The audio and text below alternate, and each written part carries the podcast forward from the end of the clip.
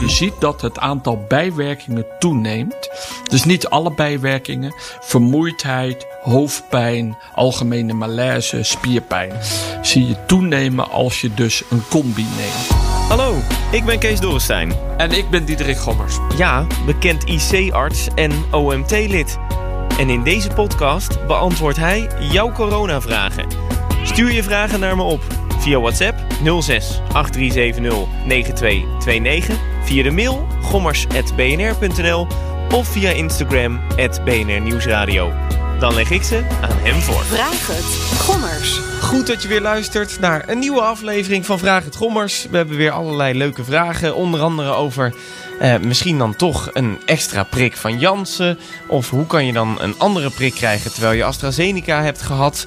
Nog wat, wat opvallende verhalen die langs zijn komen, eh, gekomen. Om eventjes voor te leggen aan Diederik. Eh, allereerst, ehm, ik, ik zie verhalen op Twitter van, van zorgpersoneel. En dan mensen die dan zeggen... Er liggen geen coronapatiënten meer bij ons eh, in het ziekenhuis. Yes, wat een, wat een mijlpaal. Hoe is het hier? Nou, er liggen nog een paar patiënten ehm, die zeg maar niet meer het virus bij zich hebben, maar wel hier het, eh, onze afdeling binnengekomen zijn met eh, corona of COVID-19. Maar dus eigenlijk proberen los te komen van de beademing. Dus dat, eh, ja, de welbekende langliggers. Dus we hebben dat nog wel. Oké, maar dat is dus niet, eh, het stroomt niet nog elke dag binnen dan? wat dan? Nee, we hebben deze week één patiënt, geloof ik, ontvangen ehm, met COVID. Ehm, dus het is echt minimaal. Dat is wel fijn, toch? Ja, absoluut. Ja, je kijkt een beetje serieus, eh Dirk. Ja, nou, dat zijn ook serieuze vragen. ja. Dus ik bereid me vast voor. ja, precies. Op, het- op het randje van je vakantie, want je gaat binnenkort ook op vakantie. Dus dat, is- dat is leuk. Daarom nemen we eh, eh, ehm, tijdens deze opname nemen we twee afleveringen op. Ja. Zodat we, ik heb er heel veel vragen direct meegenomen, zodat we nog voor de vakantie wat extra kunnen beantwoorden. Dus deze week en volgende week, dat is allemaal één hele grote superopname. En dan kan jij daarna eventjes een paar weken genieten van je welverdiende vakantie, Ja, denk ik. nou, maar daarom is, ik heb altijd een soort vakantiestress. Ja? Ja, eh, Oh, jee. mijn vrouw zei het gisteravond ook al. Je bent niet helemaal eh, blij. En toen zei ik, ja, nee, maar in mijn hoofd zijn er dan allerlei dingen die nog af moeten. Eh, dus er is altijd, en ik heb altijd dan, elke avond heb ik nu wat weer.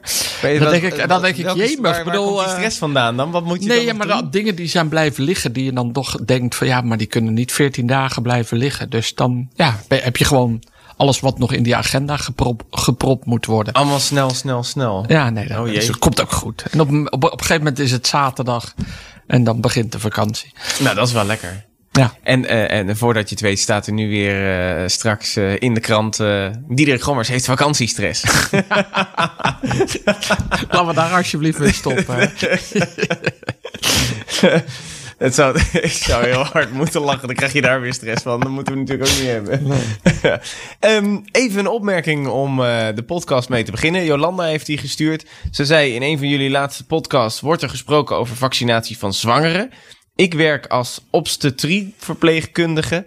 En ik zou het echt met klem kunnen adviseren om wel te vaccineren. Er is in het AMC een onderzoek gedaan naar vaccinatie en moedermelk. En hieruit blijkt dat je als moeder antistoffen maakt tegen COVID, die ze dan vervolgens doorgeeft in de moedermelk aan het kind. Dus als je als zwangere twee vaccinaties hebt gehad en volledige borstvoeding geeft, is je baby ook beschermd. Nou, dat wilden ze gewoon met ons delen. Dus Nou, dat, dat is ook eh, heel belangrijk. Hè? Want ik bedoel ook, hè, dat, we krijgen ook veel vragen van zwangeren.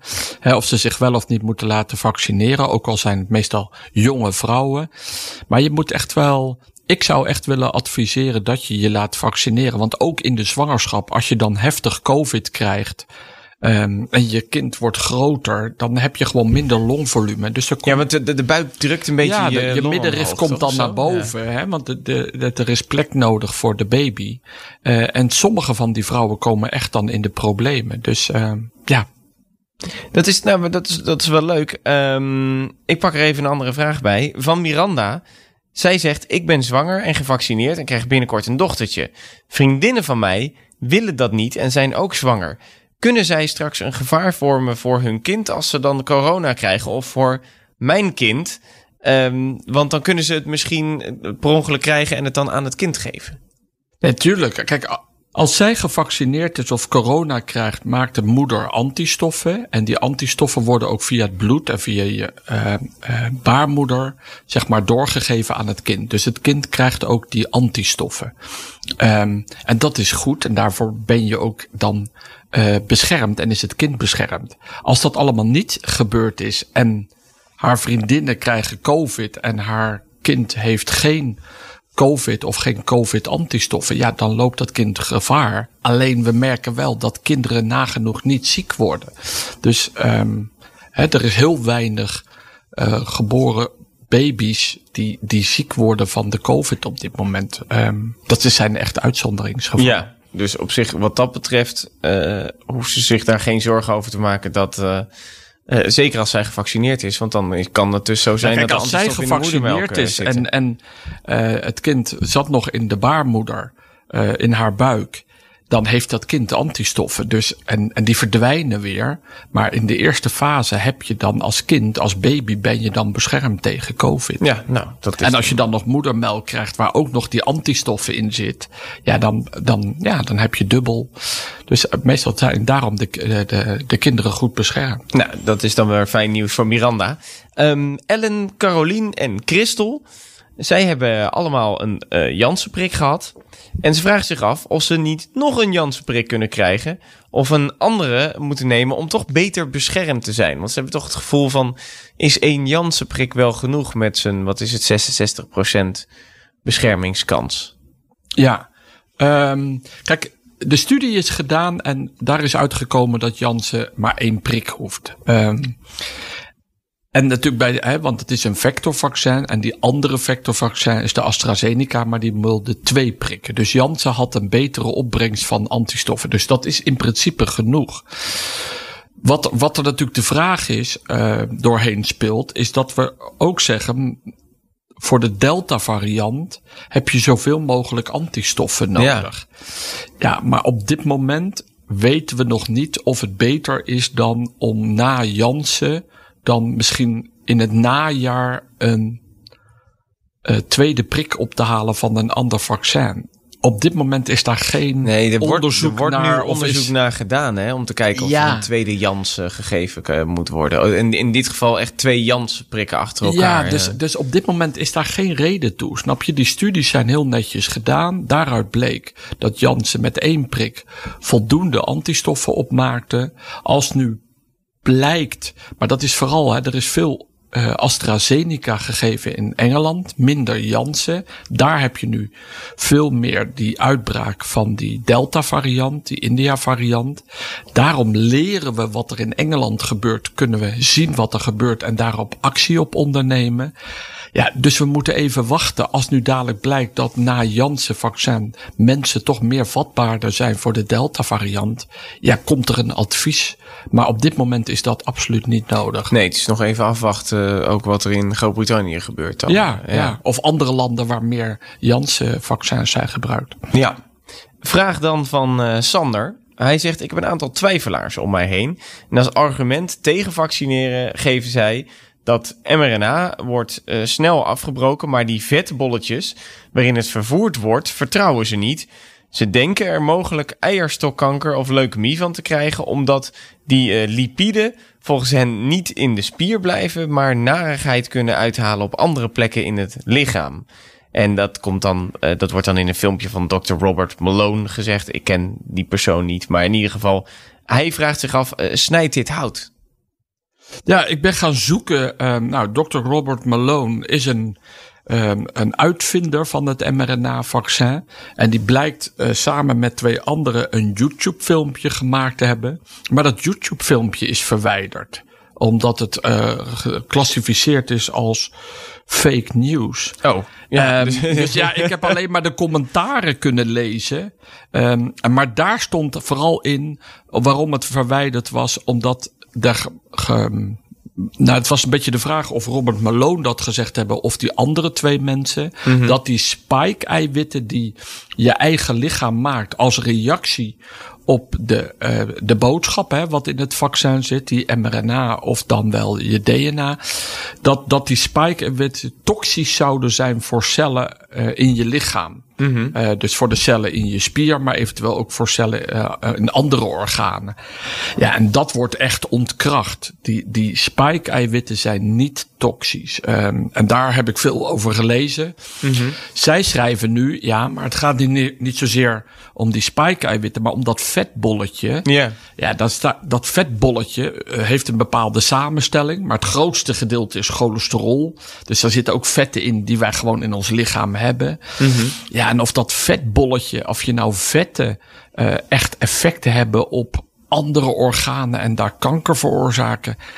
Ja, ik kan me er niks bij voorstellen, snap je? Want er zit ook heel veel vetten in je, ja, in je eten. En, mm -hmm. uh, en, en um, dus ik kon niet vinden of die, dat, die samenstelling van dat vetbolletje of dat uh, kanker kan veroorzaken. Dus um, op dit moment zijn daar geen aanwijzingen. Voor. Nee, oké, okay, nou bij deze, dat kan je zeggen, Sander. En de video is dus verwijderd, dus uh, in ieder geval YouTube zelf, die, uh, die heeft dat gecheckt en blijkbaar was dat niet goed dan.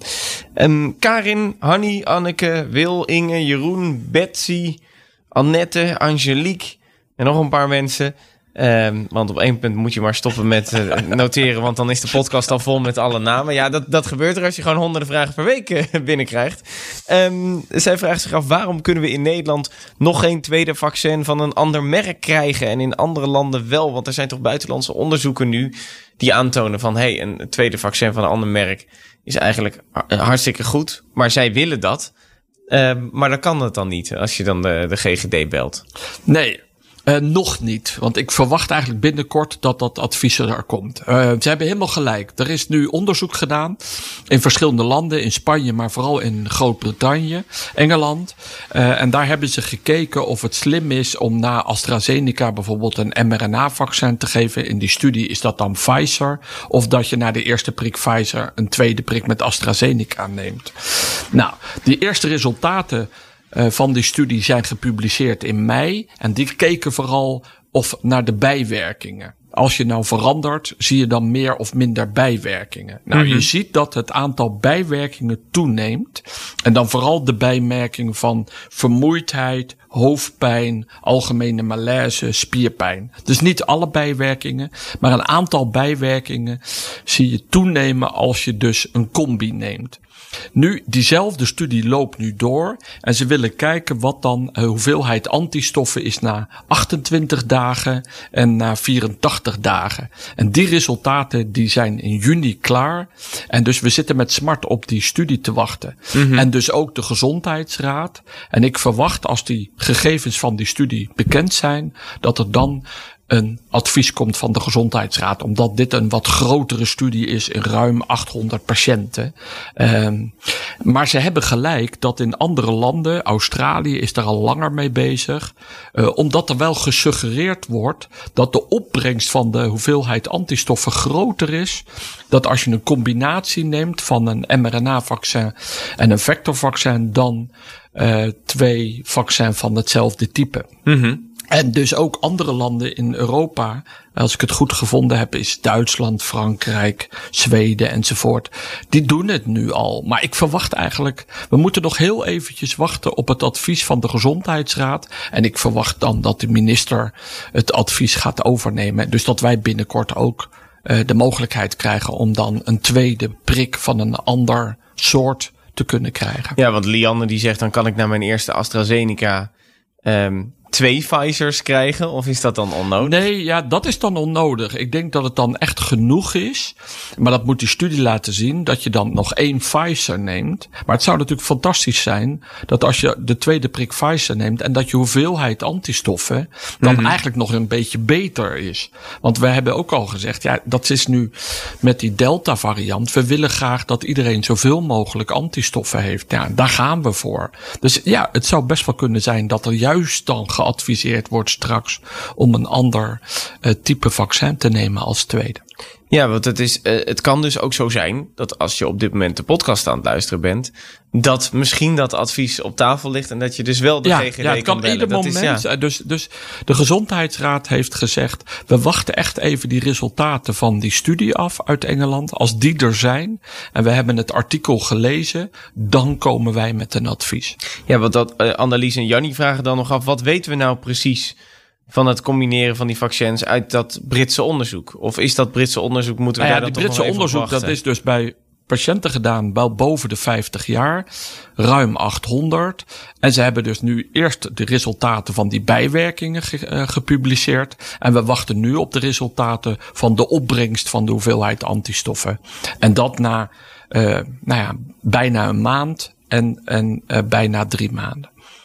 Dan ehm, een vraag van Cynthia. Zij zegt, als je als 18-jarige nog erg twijfelt of je een vaccin wilt, bijvoorbeeld eh, twijfels over het effect op lange termijn, kun je dan ook nog op een later moment een vaccin krijgen?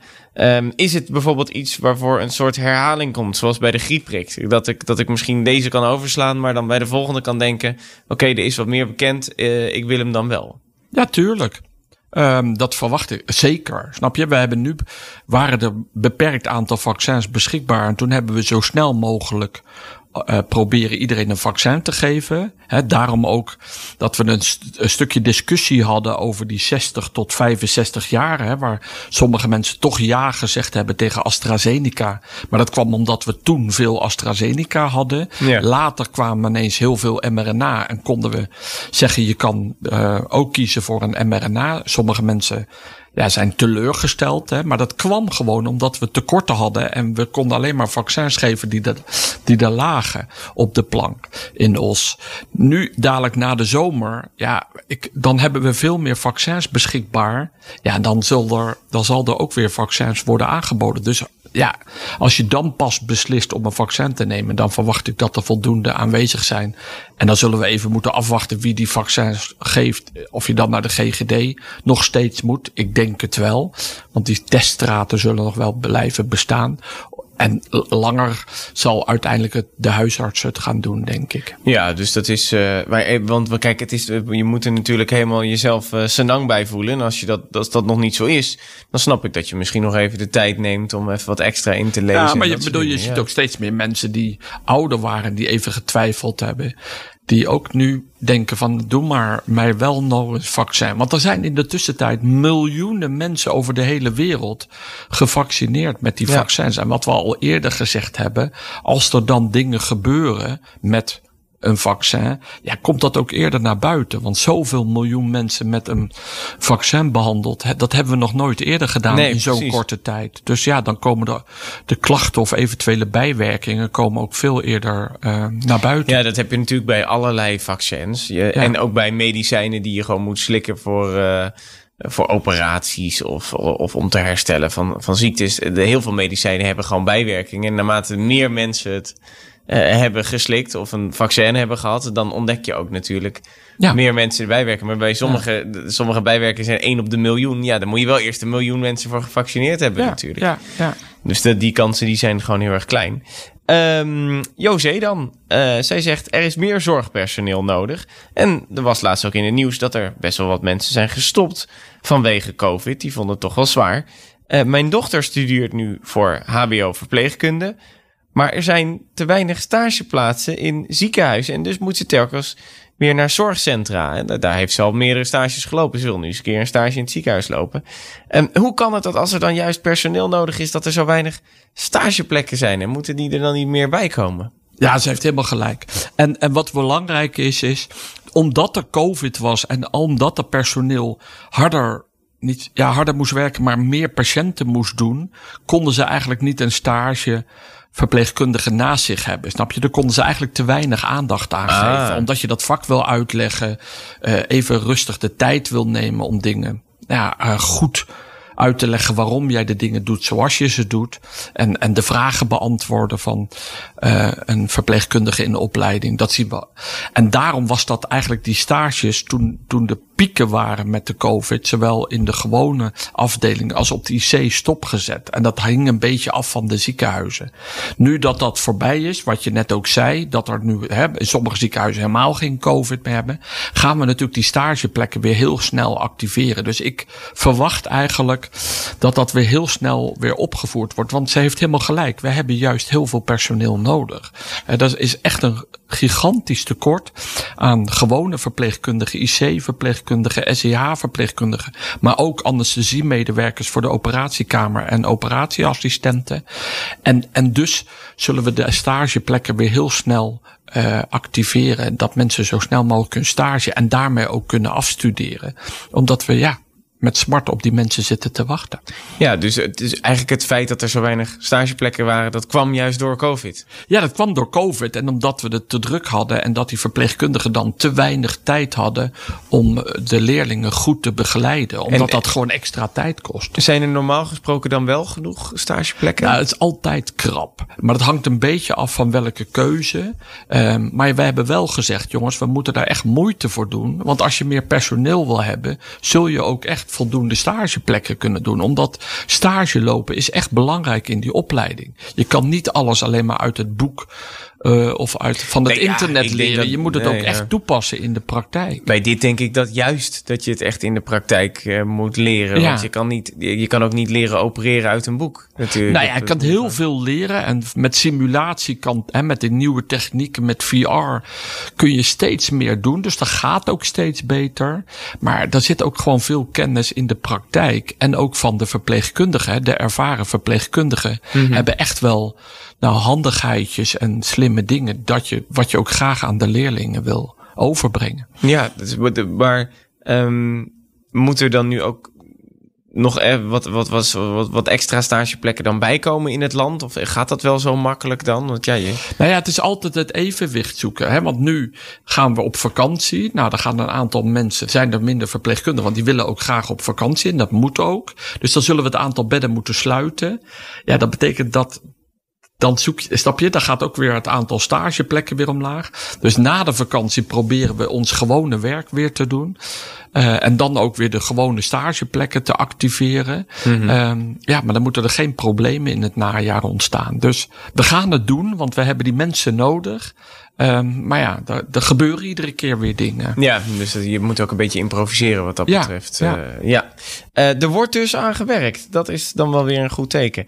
Um, Eva, zij zegt: Ik lees over dat er risico's kunnen zijn op ADE, antibody dependent enhancement, na vaccinatie, waardoor je als gevaccineerde juist heftiger kan reageren op een COVID-infectie dan als je niet gevaccineerd bent. Er zijn diverse wetenschappelijke artikelen die dit risico aantonen en verschillende hoogleraren maken zich zorgen om dit mogelijke risico na vaccinatie. Um, kun je hier iets meer over vertellen? Is dit inderdaad iets om je zorgen over te maken? Ja, nou, dan moet je echt dieper op de stof ingaan. Wat er, wat er gebeurd is, is dat, nou ja, door de vaccinatie maak je antistoffen. Uh, en er is beschreven in nou ja, andere virusinfectie dat die antistoffen dan binden met het virus. Maar in plaats van het virus inactiveren, Dus om zeep helpen. Uh, dat ze dan eigenlijk niks doen. Maar doordat ze gebonden zijn, zijn ze een nieuw complex. Maar worden ze eigenlijk makkelijker opgenomen in de cel. En kan dat virus zich eigenlijk makkelijker vermenigvuldigen. En wordt eigenlijk uh, uh, effectiever, infectieuzer. Mm -hmm. Nou, dat is wat je niet wil. Nou, dit proces is nog niet beschreven bij COVID. Verwachten we eigenlijk ook niet. Dit proces is wel uh, geschreven bij dengue-virussen. Maar dengue-virussen zitten weer net wat anders in elkaar. Dengue-virussen heb je er vier verschillende. Ja, knokkelkoorts is dat, hè? Ja. En, ja. en, en, elke keer is een soort van twee keer zo heftig als dat de vorige keer dat je hebt Ja, maar je hebt net verschil in die, in die type virussen. Dus je kunt zeg maar, nou, we noemen ze maar even type 1, 2, 3, 4. Als je dan antistoffen maakt met type, tegen type 1. Maar je loopt dan weer rond in de, nou, in de bevolking. En ja, het gebeurt en, je, en je krijgt een aanmerking met zo, type ja. 2. Dan zijn je antistoffen niet zo goed om die type 2 ook uit te schakelen. Dan, maar hij herkent hem wel, maar schakelt hem niet uit. En daar hebben ze beschreven dat je dat dan, uh, dat, dat je dan heftiger reageert op gevolg van die type Ja. 2. Maar dat betekent, dus, de- maar bij dengue is, zijn er dus echt kleine verschillen. Heb je eigenlijk net kleine verschillen tussen die virussen. Ehm, dat zien we niet bij de COVID-19. En ook niet als je dan een andere variant eh, krijgt. Nee, want, want eh, een andere variant heeft wel zeg maar een kleine andere structuur, waardoor die ehm ehm makkelijker opneemt of beter bindt aan de cel en daardoor infectieuzer Ja, is. besmettelijker, maar, ja. het- maar het vaccin of de, de antistoffen schakelen wel nog steeds het virus uit. Dus het zijn, nou ja, dan gaan we heel diep op die stoffen. En daar weet ik zelf ook niks van. En dan moeten we de Marion Koopmans vragen. want dan worden we heel specifiek. Maar, maar snap je, dus bij COVID is dit niet beschreven. Dit is alleen beschreven bij dengue-virussen. Ah. En in het verleden is het wel eens beschreven bij de eerste mazelenvaccins. Maar dat was in de jaren 60. Maar dan werd het virus mazelen werd dan geïnactiveerd. En dan had je dus levend vaccin. En daar is dat toen ook beschreven. Maar toen zijn die vaccins van mazelen aangepast. Eh, dus niet meer geïnactiveerd, maar verzwakt mazelvirus wordt er dan gegeven. En daar zie je het niet meer. Dus snap je? Dus het komt voor in de vaccinwereld ehm, en in de viruswereld. Maar op dit moment is er geen aanwijzingen dat dit bij COVID-19 het geval is. En daarbij is het zo dat die vaccins die voor COVID-19 worden gegeven, dat is geen verzwakt coronavirus. Nee. Dat is eigenlijk een soort van eh, een nep eh, iets, een soort van na- ja. nagemaakt, zodat jouw lichaam die, die spikes gaat maken. En hè, dat, dat Kees, je daar weer ook helemaal eh, expert. Ja, joh, niet te doen. Het is, eh, als jij op vakantie gaat, dan, zit, dan werk ik hier in het Erasmus MC. Dan kunnen ze mij gewoon bellen. nee, grapje natuurlijk. Maar eh, ha, nee, maar met knokkelkoorts heb ik dat wel eens gehoord. Ik, Ja. ik, ik ken zelfs, een vriend van mij heeft dat ook gehad toen hij in Azië aan het reizen was. En toen kreeg hij allemaal vlekken op zijn handen en op zijn voeten. Dat is een teken dat je knokkelkoorts krijgt. Omdat je, Ja. volgens mij, je rode bloedlichamen worden langzaam doodgemaakt. Of je witte bloedlichamen, of een van de twee, dat weet ik niet. Eh, iets met bloedlichamen. Maar daardoor krijg je dus vlekken op je handen. Als je dat krijgt en je bent in Azië aan het reizen, ga even naar de dokter. Want het zou zomaar eens knokkelkoorts kunnen zijn. En hij bleek ook best ver gevorderd al te zijn. Maar hij, heeft, hij, hij kwam hartstikke goed vanaf. Oh. Maar via hem weet ik dus dat als hij nu nog een keer naar Azië gaat en dan krijgt het nog een keer, moet hij er extra scherp op zijn. Want je kan het dus vier keer krijgen, daarna niet meer. Maar ja, die vierde keer, die is wel dus met alle drie de keren Ja. daarvoor heel Ja, ja, heftig. je je hebt dus echt vier verschillende types. Ja, precies. Henny dan, in jullie podcast vertellen jullie dat er uit een onderzoek naar voren kwam dat er veel meer vrouwen zijn met bijwerkingen van een prik dan mannen. Zou het kunnen dat vrouwen een kleinere hoeveelheid vaccins toegediend zouden moeten krijgen? En hoe wordt dat dan straks bij kinderen? Want voor anders lijkt het me een beetje gek waarom juist vrouwen allemaal bijwerkingen krijgen en mannen niet. Ja. Nou, ja, hele goede vraag. Ehm, en daar wordt ook steeds meer onderzoek naar gedaan. Want eigenlijk vroeger de medicijnstudies en dergelijke werden al mannen en vrouwen. Maar bleek altijd toch eigenlijk in die studies dat er dan meer mannen geïncludeerd waren dan vrouwen. En vrouwen zijn echt wel een beetje anders. Niet zo, hè, bedoel, ze hebben andere samenstelling van water, spieren, vet dan mannen. Ehm, maar wat vooral anders is, eh, is hun hormoonhuishouding. En dat maakt het anders. Ehm, dus ik ben ook hier weer geen expert in. Ik weet dat er veel onderzoek is eh, steeds meer experts die zeg maar het verschil juist uitzoeken reactie op medicijnen tussen mannen en vrouwen. En bij de vaccins op dit moment maken we daar eigenlijk geen gebruik van. Omdat je namelijk wil dat je zoveel mogelijk antistoffen maakt. En het is niet zo dat als je te veel vaccin krijgt, hè, of de- een tweede prik, en je hebt hem eigenlijk niet nodig, dat je dan daar extra eh, ehm, dat je daar gevaar op loopt, snap je? Want als je genoeg antistoffen hebt, ja, dan maakt het lichaam er niet meer, meer bij. En als je te weinig hebt, maakt hij er meer bij. Eh, dus op dit moment is er geen aanwijzingen om dat te zeggen, ja, doe maar een beetje minder. Want je wil juist dat, dat er zoveel Ja, mogelijk je bent antistoffen eigenlijk bang dat op het moment dat het dan minder is, dat je dan wel minder bijwerking krijgt, maar ook minder antistoffen. Ja, en daar gaat het. We zetten nu op dit moment nog in op die antistoffen. En uh, ik denk dat er later pas. Nou, ik weet het eigenlijk niet. In vaccins doen we dat eigenlijk niet. Dus uh, ja, we moeten even Maar afwachten. het, het heeft dus iets met de hormoonhuishouding. nou, dat zou kunnen. maken. Dat zou kunnen waarom. Um, omdat dat is het grote verschil tussen mannen en vrouwen. Ehm, hun hormoonhuishouding is echt anders. Maar kan het dan bij niet zo zijn dat je straks, als je kinderen misschien gaat vaccineren vanaf 12 jaar, dat die nog misschien veel heftigere bijwerkingen krijgen, omdat ze gewoon wat kleiner zijn?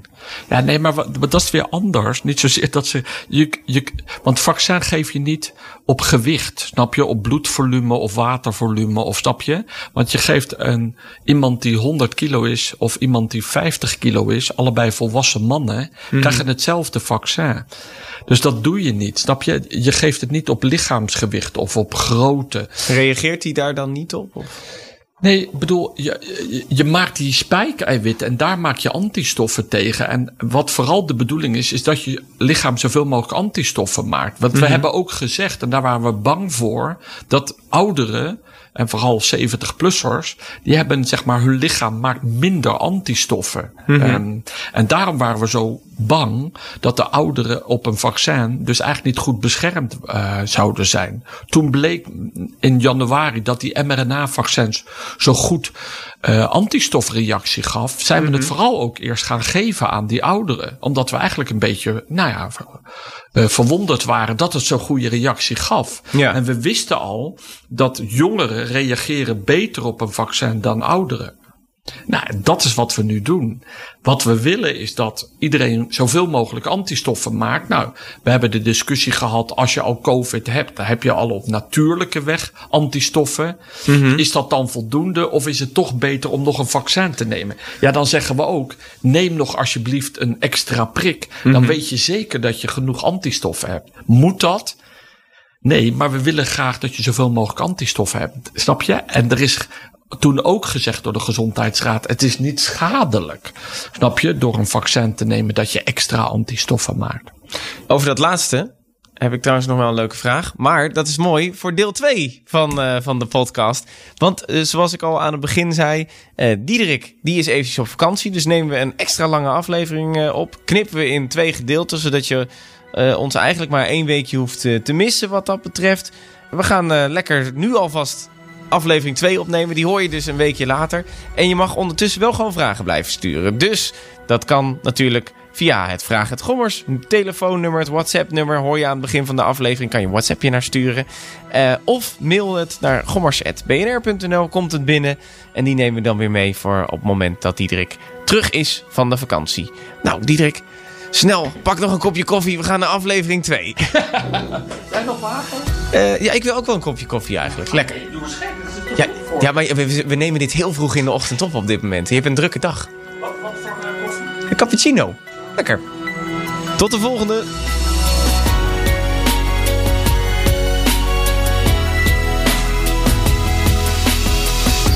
Vraag het. Gommers. Gommers.